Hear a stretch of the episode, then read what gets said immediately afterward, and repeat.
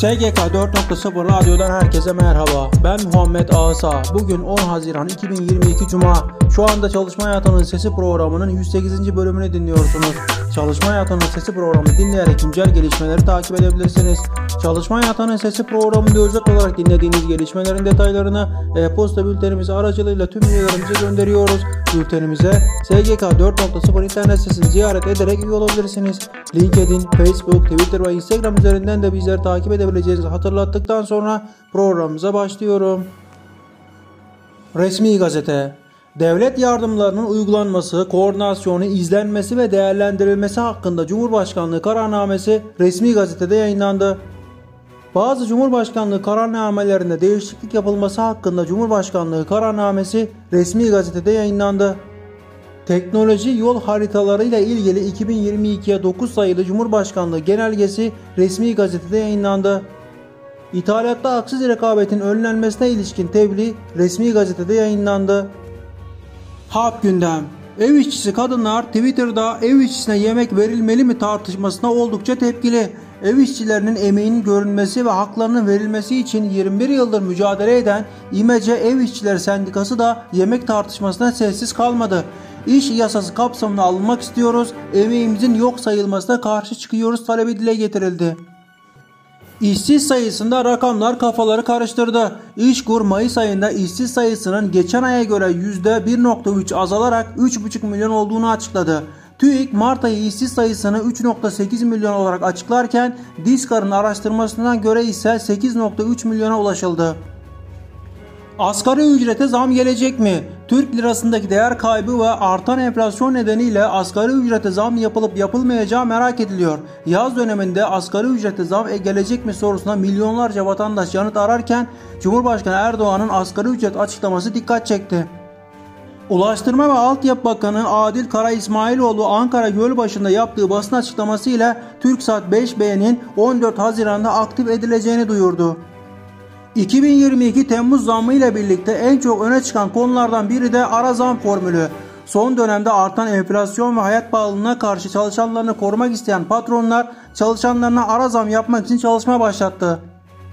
Fahiş kiralardan bunalan vatandaşa nefes aldıracak düzenleme mecliste kabul edildi. 1 Temmuz 2023 tarihine kadar kira artışları %25'i geçemeyecek. Bu oranı geçen sözleşme geçersiz olacak.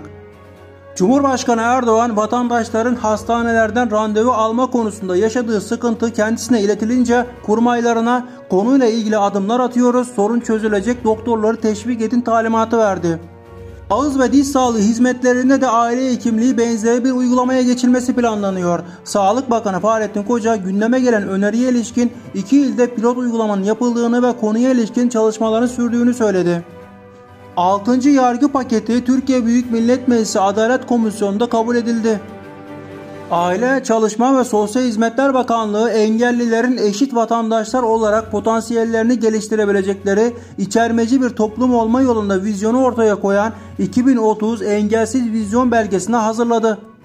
Yargıtay'dan emsal izin kararı. Yargıtay işçinin mazerete dayanan birkaç saatlik izin talebinin karşılanmaması üzerine yine de erken çıkmak istediğini açıklayınca bir daha iş yerine gelme demeyi işveren fesih saydı.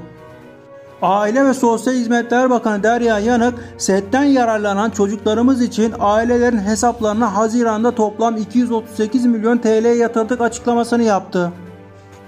Araştırmalar, raporlar İşçi Sağlığı ve İş Güvenliği Meclisi'nin yayınladığı iş cinayetleri raporuna göre 2022 yılının ilk 5 ayında en az 646 işçi iş cinayetlerinde hayatını kaybetti. Yatırım dünyası ve girişimcilik COSGAP'in iştirakları arasında bulunan Kobi AŞ'nin ortağı olduğu ve hassas döküm alanında Türkiye'nin öncü firmaları arasında yer alan Makim makine halka arz ediliyor.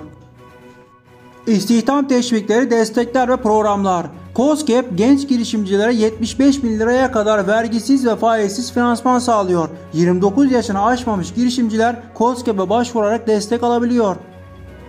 Denizli Ticaret Odası'nın ev sahipliğindeki muhteşem organizasyonda yenilikçi fikirleri olan genç girişimciler ile kadın girişimciler toplam 285 bin TL'lik hibe desteği ile ödüllendirildi. İşkur ve Avrupa Birliği işbirliğinde hayata geçirilen ne eğitimde ne istihdamda olan gençler için iş gücü piyasası destek programı teknik destek projesinin tanıtımı yapıldı. İstihdam Kırklareli Büyük Mandıra Belediyesi bir personel alacağını duyurdu. Muğla Datça Belediyesi bir personel alacağını duyurdu. İstanbul Atlas Üniversitesi ve Necmettin Erbakan Üniversitesi öğretim üyesi alım ilanlarını yayınladı. Sendikalardan haberler. Milli Eğitim Bakanlığı İşkur üzerinden geçici görevlendirme ile aldığı personellerden 44 bin temizlik personelinin işine son verdi. Eğitim Sen duruma tepki gösterdi. Toplum yararına program personeline kadro talebinde bulunan Eğitim Sen, eğitimde geçici ve güvencesiz istihdam uygulamalarına son verilmeli, toplum yararına program personelinin mağduriyeti giderilmelidir açıklamasında bulundu.